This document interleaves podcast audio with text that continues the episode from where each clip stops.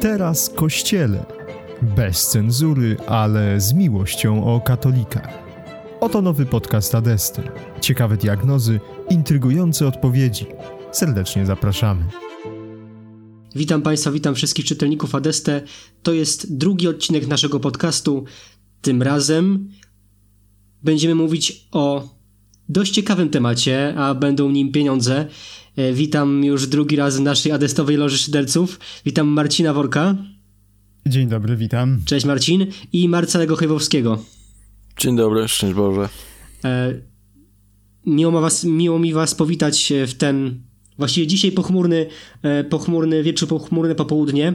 Będziemy mówić no właśnie o pieniądzach, o tym, co także kręci chyba wszystkich ludzi, o tym, co wpływa też na działanie Kościoła, a są nim pieniądze. Dzisiaj y, warto zwrócić uwagę na to, że te pieniądze wywołują często skrajne reakcje od y, zachwytu, od wielkich zbiórek internetowych, które organizują księża, do posądzeń o malwersacje finansowe. I mam nadzieję, że uda nam się zastanowić nad tym, jak te pieniądze realnie wpływają na Kościół, obalić kilka mitów i powiedzieć sobie, o tym, gdzie te pieniądze mogą wyrządzić wiele zła, ale gdzie te pieniądze mogą też wyrządzić wiele, wiele dobra e, i trochę je oddemonizować. No właśnie, panowie. E, często się mówi, że pieniądze to taki rodzaj ościenia w kościele, ponieważ bardzo wiele afer, bardzo wiele skandali, bardzo wiele nieprawidłowości związanych jest z pieniędzmi. To jest chyba nie tylko problem kościoła i nawet nie tylko problem duchownych, e, tylko myślę, że też wielu katolików, żeby sobie do tego pieniądza bardzo. Mm, bardzo dobry e, stosunek e, tutaj stworzyć.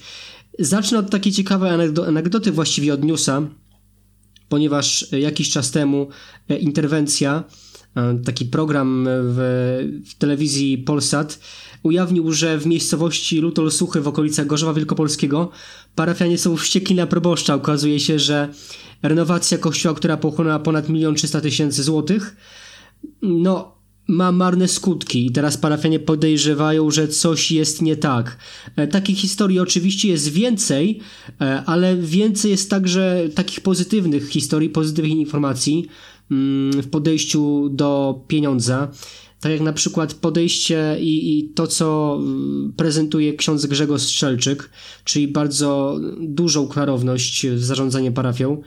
No i właśnie, panowie, chciałbym wam zadać pytanie, z kim Kościół może biznesowo współpracować, a z kim nie powinien? Jak Kościół powinien sobie w XXI wieku, w którym no, bez pieniędzy bardzo ciężko rozwijać jakiekolwiek inicjatywy, jak Kościół powinien sobie te relacje do pieniądza układać na szczeblu parafii, diecezji i, i, i wyżej. Jak widzicie taki modelowy system zarządzania pieniądzem w kościele? To może tym razem ja przejmę pałeczkę y, jako, jako pierwszy głos. Y, w tak pierwszej jest. kolejności to ja myślę, że warto zaznaczyć to, że pieniądz w kościele jest dokładnie tak podobny, znaczy to jest podobny problem, Y, jak i kwestia czystości czy seksualności. To znaczy, w kościele zawsze są te dwie siły, czy w świecie są te dwie siły, które się nawzajem ścierają. Jest ta siła y, purytańska, tak bym ją nazwał, która stara się, stara się za wszelką cenę y, tak jakby zminimalizować znaczenie pieniądza lub też wręcz ująć go w ramy jakiegoś tabu. Podobnie się to dzieje z seksualnością. Y, y, I ta druga siła y, to jest siła, która stara się ubóstwić pieniądz lub nadać mu jakiś, jakieś takie szczególne znaczenie. I ani jedna, ani druga siła to, to nie są dobre siły, to znaczy w tym sensie, że one się mylą. Paradygmaty, jakimi posługują się te dwie siły, te, dwie, te, te dwa stanowiska są błędne, w tym sensie, że y, my od początku do końca jako chrześcijanie dążymy do zbawienia i zbawieniu nie podlega tylko wyłącznie y, y, tak jakby jakaś taka wybiórcza część mnie, mojego bytu, ale, ale zbawieniu podlega w zasadzie wszystko to, co jest mną, co, co należy do mnie, w tym sensie, że jeżeli do mnie należy pragnienie na przykład y, wykorzystywania dóbr materialnych do tego, żeby jakoś tam funkcjonować w świecie, czy robić coś pożytecznego lub po prostu takiego, co sprawia mi radość, to y, to, to też podlega zbawieniu. To, to pragnienie też podlega zbawieniu i doskonaleniu y, w ramach łaski Bożej. Y, to też ja to w pierwszej kolejności tak bym to widział, że, że to jest potrzebna zmiana paradygmatu, że nie, nie y, całkowite nurzanie się w pieniądzach, ale też nie purytanizm, nie jakieś, jakieś, jak, jakieś tabu, nie, po prostu zwyczajnie korzystanie z dóbr materialnych w ramach tego, co jest potrzebne do zrobienia w kościele. I tak teraz, kiedy mówimy o tym, co jest potrzebne do zrobienia w kościele, ja bardzo lubię Y, to, jak y, zwykli budowlańcy, wykończeniowcy podchodzą do swojej roboty. To znaczy, jest robota, jest robota, no to siadamy panowie i robimy tak? Nie ma żadnego, a tu jakaś dotacja, a tu dofinansowanie, a tu nie ma próby y, y, jakichś takich y, malwersacji pieniądzem, nie ma próby szukania na siłę y, jakichś dodatkowych źródeł czy alternatywnych podpięć gdzieś tam z jakąś fundacją, coś tamtego. Nie, jest robota, y, bierzemy się za nią, kończymy ją i tak dalej. Ja bym podobnie widział y, działanie Kościoła, to znaczy, że jest robota, zatrudniamy pracowników, pracownicy robią, dostają wypłatę, tyle. Y, natomiast co do pytania, z kim Kościół powinien się bratać finansowo, a z kim nie powinien, absolutnie Kościół nie powinien się bratać y, z jakimkolwiek rządem, państwem, ani żadnymi służbami specjalnymi, czy tym podobnymi rzeczami. Y, to jest coś, co zwykle kończyło się dla Kościoła źle i również i teraz, już nie wnikając w żadne teorie spiskowe na temat życia Kościoła zakulisowego, również i teraz możemy przypuszczać, skończyłoby się to nie najlepiej. Kościół byłby prawdopodobnie, znaczy ludzie, którzy byli, byliby reprezentantami Kościoła tej, na tej arenie, byliby po prostu pożarci przez ten wielki system mm, skorumpowany finansjery, więc mi się wydaje, że raczej trzeba postawić na taką bardzo przyziemną prostotę i, i, i konkretną robociznę. Marcelino, właśnie jak to widzisz? Masz podobne podejście? Y, czy, czy ten kościół właśnie powinien odchodzić od e, takich wątpliwych e, współprac, czy może jakoś inaczej widzisz to zaangażowanie kościoła finansowo? To znaczy widzisz gdzieś problem w innym miejscu, jeśli chodzi o kościół, pieniądze? Znaczy tak. Mm. Przede wszystkim mi się teraz tak rzuciło do głowy w tej chwili e, taka moja refleksja, którą kiedyś opisałem zresztą że w litanii do świętego Józefa zaraz po w miłośniku ubóstwa jest wezwanie wzorze pracujących. I czasem się zastanawiałem, jak to jest, że święty Józef jest wzorem pracujących, a tak bieduje. e, ale mm, tak, myślę, że przede wszystkim mm, przede wszystkim problem z pieniędzmi w naszym kościelnym, powiedzmy, społeczeństwie jest taki, że na ubóstwo patrzymy przez pryzmat materialny, a nie duchowy przede wszystkim. Czyli tak naprawdę możemy być biedni i tak dalej, ale de facto jesteśmy chciwi, myślimy w kategoriach materialnych czysto. Coś, co powinno być bardziej podkreślane i rozwijane, to na, pe na pewno to ubóstwo duchowe, czy jak to święty Ignacy Loyola lubił ujmować obojętność wobec tego, czy ma się pieniądze, czy nie, czy, czy, się, czy akurat właśnie trzeba biedować, czy akurat trzeba robić biznes, tak? Chodzi o to, żeby być wolnym wewnętrznie od tych dóbr i być ich panem, po prostu. Być ich panem, a nie żeby one panowały nad nami. To myślę jest taka pierwsza ważna, e, ważna uwaga. E, też wydaje mi się, że Kościół świeccy, duchowni e, mają taki problem z jednym z przykazań, to znaczy z e, dziesiątym przykazaniem. E, to, które brzmi zazwyczaj w ani żadnej rzeczy, która jego jest, tak? Czyli nie pożądaj żadnej rzeczy bliźniego, która jego jest. Bo nam się często chyba wydaje w naszym społeczeństwie, że nam się pewne rzeczy należą, że na przykład komuś się lepiej powodzi, to powinien się podzielić koniecznie z nami i tak dalej. Czy że na przykład różne takie, e, różne takie złośliwości, takie żale, jakieś pretensje do ludzi, którzy robią biznes porządnie i robią dobre rzeczy z pieniędzmi. To jest na pewno duży problem i duża bariera i też taka właśnie podejrzliwość, jeżeli chodzi w ogóle o finanse w kościele, tak? Tutaj nie ma takiej normalnej, dorosłej rozmowy, że ksiądz tutaj dysponuje pieniędzmi, mówi e, na co wydał, a świeccy się go o to pytają i świeccy nie mają mu za złe, że wydał pieniądze na coś tam, czy że czy że nawet kupił sobie nowy samochód, no bo akurat ma taką parafię, że musi jeździć, tak? To jest, myślę, że w dużej mierze w Polsce e, problemy są natury mentalnej. Oczywiście wynikają z tego różne patologie, ale to jest efekt, że nie mamy zdrowego podejścia do pieniędzy, nie mamy tego przepracowanego nawet na etapie formacji jakiejś duchowej, czy, e, czy szkoły nawet. Czy szkoły nawet, tak mhm. bym to mhm. widział. To jest, tak, to co powiedział Marceli, to jest naprawdę, myślę, że nawet fascynujące, czyli duchowe podejście do pieniądza. E, tak bym to widział, to znaczy przede wszystkim wskazanie, że Kościół ma być ubogi, e, ale nie chodzi tutaj o ubogość bardziej fi, finanse, tylko taki rodzaj ubogości w myśleniu, prostoty w myśleniu, to też mnie bardzo e, ciekawie, ciekawie na mnie wpływa i jakoś mnie to, to tak pozytywnie uderza. No ale właśnie panowie, Mamy różne modele finansowania kościoła, mamy różne modele współprac, mamy też model amerykański, w którym przecież Kościół ma własne instytucje, ma własne działki, ma no, własne organizacje, które finansują E, ten model finansowania jest bardziej otwarty, myślę, że niż w Polsce. E, no i trzeba sobie zadać pytanie, mm, czy Kościół może robić biznes. To znaczy, czy Kościół, na przykład, nie wiem, e, na jakim poziomie e, Kościół, parafia, decyzja będzie mogła mieć własne przedsiębiorstwa, e, czy to będzie gorszące, czy to będzie wręcz przykład przedsiębiorczości, jak uważacie? To znaczy, gdzie się kończy, gdzie się kończy takie dobre robienie biznesu, a gdzie się zaczyna zaangażowanie duchownych, czy zbytnie zaangażowanie Kościoła w to, na czym, czym on się nie powinien zajmować? Gdzie według was tu jest granica w robieniu biznesu? Biznesu przez Kościół?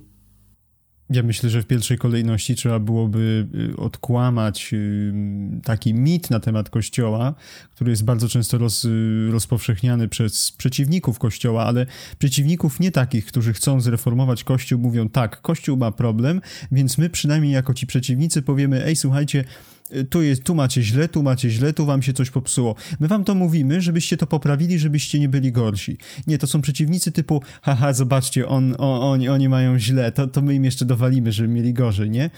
To są tego typu przeciwnicy. I ci przeciwnicy bardzo często stosują taką taktykę, że y, jeżeli kapłan, na przykład na parafii, czy to proboszcz, czy wikary, y, mają na przykład samochód, tak?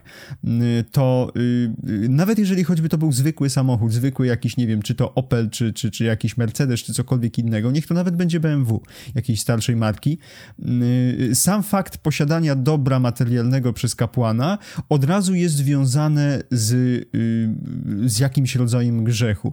I to jest pewnego rodzaju pomyłka, dlatego że y, to jest traktowanie samego pieniądza już jako coś złego. I to jest bardzo zabawne, bo y, y, jest bardzo ciekawa analogia, jeśli chodzi o te siły purytańskie w kościele, a y, właśnie tych przeciwników y, kościoła, których y, przed chwilą, o których przed chwilą wspomniałem. To znaczy, jedna i druga grupka ludzi używa dokładnie tych samych, tego samego par, par, paradygmatu. To znaczy, pieniądz jest zły, tylko tamci chcą oczyścić kościół z pieniądza, a z kolei ci drudzy chcą, wykorzystując pieniądz, zniszczyć Kościół. Y, więc w pierwszej kolejności trzeba byłoby po prostu odkłamać y, te, te, te kwestie w Kościele y, i to, o czym mówił Marceli tak naprawdę, duchowe spojrzenie na pieniądz, nie? Że to jest narzędzie, to jest coś, co jest potrzebne, tak? Kapłan musi dojechać do wiernych, bo na przykład część wiernych jest rozproszona na jakichś wioskach, czy czymś takim i, I trzeba tam pojechać, tak? Jest to konieczność. Yy, yy, natomiast co do pytania, czy Kościół powinien robić jakiś biznes, czy nie powinien, ja myślę, że to jest do indywidualnego uzgodnienia w episkopacie, bo jeżeli yy, dany episkopat na przykład danego kraju nie może sobie pozwolić na robienie biznesów, bo na przykład jest niedobór już kapłanów i ucierpiałaby na tym posługa, to wówczas najważniejszą rzeczą jest posługa, najważniejszą rzeczą są sakramenty. W pierwszej kolejności Pan Bóg, w pierwszej kolejności kontakt z utrzymywanie tych dobrych relacji, dobrego kontaktu z rzeczywistością duchową, boską. Natomiast potem dopiero wszelkie inne, inne kwestie. Natomiast jeżeli mamy do czynienia na przykład z urodzajem powołań i, i, i mówimy o tym, że kapłani sobie mogą pozwolić na to, by część swojego wolnego czasu zagospodarować jakiemuś dziełu e, finansowemu, jakiemuś biznesowi typu e, na przykład, e, nie wiem, produkcja wina, czy produkcja miodu, czy, czy cokolwiek innego, czy jakieś, nie wiem, na nawet przedszkole, jeżeli byłaby taka możliwość, to oczywiście, proszę bardzo, jeżeli mogą, to, to, to, to ja jestem jak najbardziej za, dlatego że jakakolwiek działalność człowieka, nawet jeżeli jest, wiąże się ona z pieniędzmi, ale, ale ma charakter y, y, kulturotwórczy, oparty o kulturę czy wyższą. napojotwórczy na przykład też.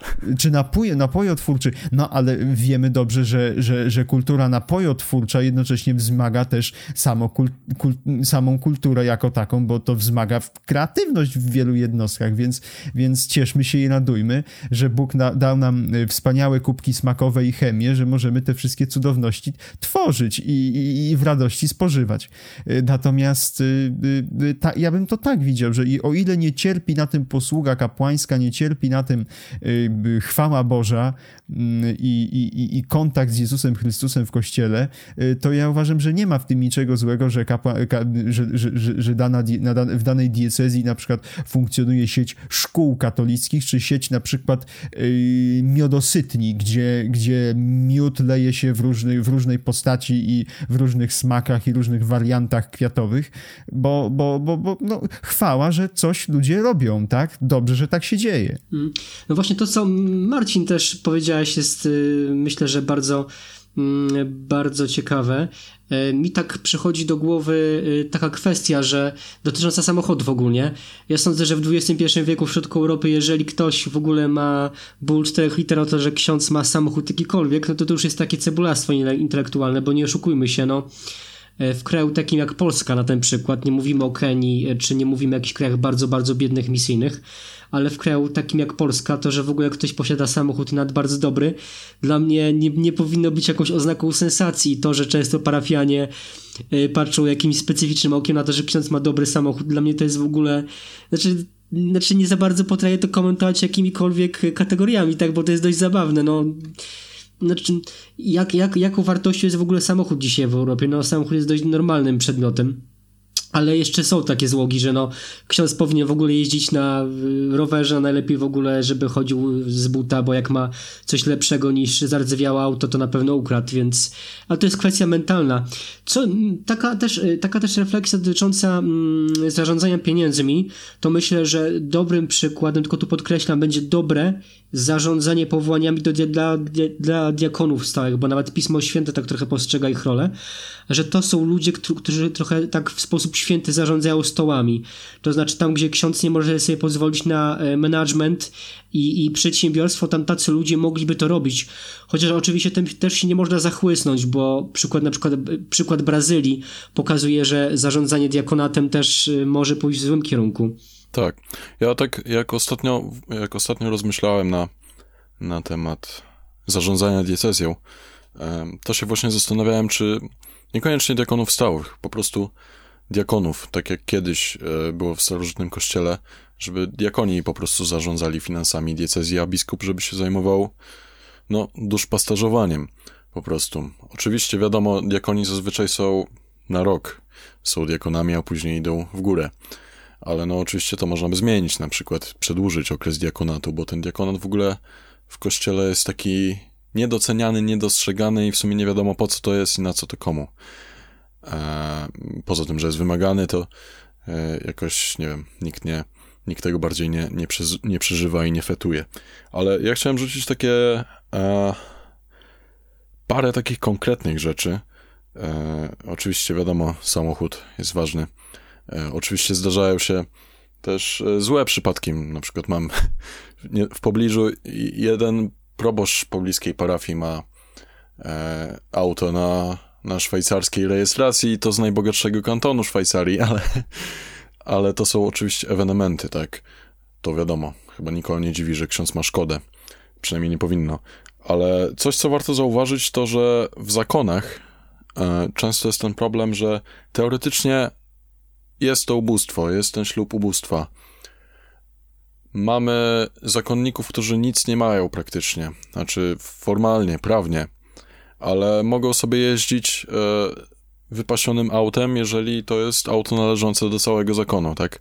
Czy tak samo, e, jeżeli na przykład są cenionymi kaznodziejami i przynoszą zakonowi dużo pieniędzy, no to też mają jakby pewien taki kapitał i trudniej jest im coś zrobić, jakoś dyscyplinować czy coś. Także tutaj mamy taki na przykład problem z ubóstwem w zakonie, że być może warto by się zastanowić nad tym, żeby zakonnicy faktycznie mogli trochę posiadać, ale, ale za to, żeby to było jakoś tak ograniczone stricte, no bo teraz tak to jest, że no, jak się ma dobrą pozycję, to ma się całkiem niezłe życie, a to nie jest, nie jest coś, co powinno charakteryzować zakony generalnie. Inna sprawa taka e, kwestia religii w szkole. Ja mam trochę inne spojrzenie na kwestię religii w szkole niż inni, niż wielu ludzi, ale wydaje mi się, że jeżeli miałaby być religia w szkole, to księża, przynajmniej księża, nie mówię o katechetach, księża nie powinni e, brać za to pieniędzy, e, ponieważ tutaj zachodzi wtedy taki konflikt interesów, że oni słuchają jednocześnie biskupa, jednocześnie ministra.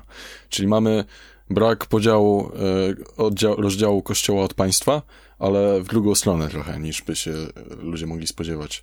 Także to na pewno jest problem. I jeszcze taka trzecia sprawa, e, mi w pewien sposób bliska i istotna generalnie, mi się wydaje. E, media decyzjalne. Po pierwsze, Dużym problemem jest, że często biskup chce mieć i czasopismo, i radio, i jeszcze telewizję internetową. Żadna z tych rzeczy nie jest dobrze robiona, bo nie ma wystarczająco pieniędzy, podczas gdy można by było zainwestować w jedno medium.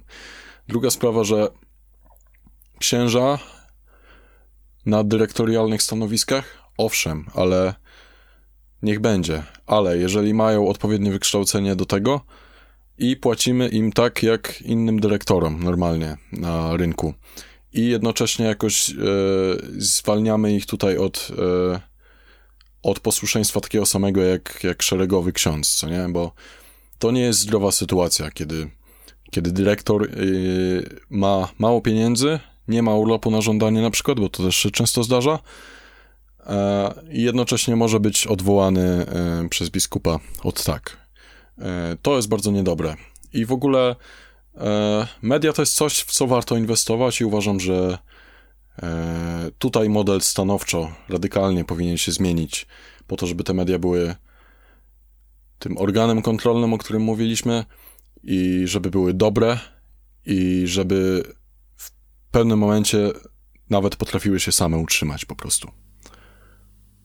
No to, się, to są ciekawe konkluzje, bo one pokazują, że tutaj bardzo ważna jest klarowność i taki brak strachu przed takim zdrowym biznesem, że Kościół y, za to, co robi dobrze, powinien być wynagradzany, ale też powinien wynagradzać i, i ja też uważam, że z tym jest bardzo, bardzo, bardzo duży problem, bo ciągle to, co katolickie, nie oznacza tego, co fachowe.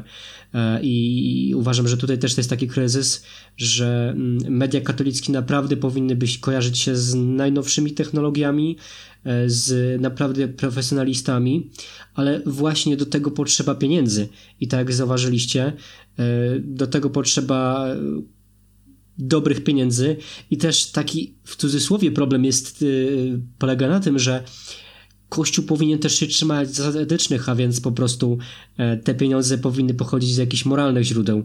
Tak, wy, tak wspominaliście, że jak najbardziej jakieś mm, winiarnie czy tego typu inne rzeczy, ale kiedy wchodzi współpraca świat z biznesu, to tutaj trzeba uważać, bo na przykład można być finansowanym przez kogoś, kto okaże się e, no, człowiekiem, który na przykład, no nie wiem, mobbinguje pracowników na potężną skalę, czy dokonuje jakichś malwersacji finansowych E, więc ta współpraca, tak mi się wydaje, że kościoła, e, kościoła z, ze światem biznesu i z pieniędzmi jest e, też niełatwa. Później będzie, Kadeste założy browar i się okaże, że Putin go sponsoruje. tak jest, tak. I później będą artykuły. Nie, myślę, że nie ma takiego ryzyka. nie ma takiego ryzyka w najbliższym, w najbliższym czasie. Ale to, to, to, to, to, to co powiedziałeś, jest też symptomatyczne, bo kwestia sponsoringu ogólnie w kościele. Nawet są takie memy żartobliwe, jak, zała jak yy, załatwić kwestię problemów finansowych w kościele i ornat obklejony różnymi brandami, no nie? Yy, wiadomo, że nie szedłbym w, tę, w tą stronę, ale mm, zastanawiam się, czy, y, czy ten sponsoring kiedyś nie byłby dopuszczalny na przykład na jakiegoś typu, e, na jakiegoś typu wydarzeniach kościelnych, sympozjach i, i, i ja nie mam oporów, żeby e, powiedzieć, że Kościół robi coś złego współpracując z, z jakimiś prywatnymi firmami całkowicie niereligijnymi, tak?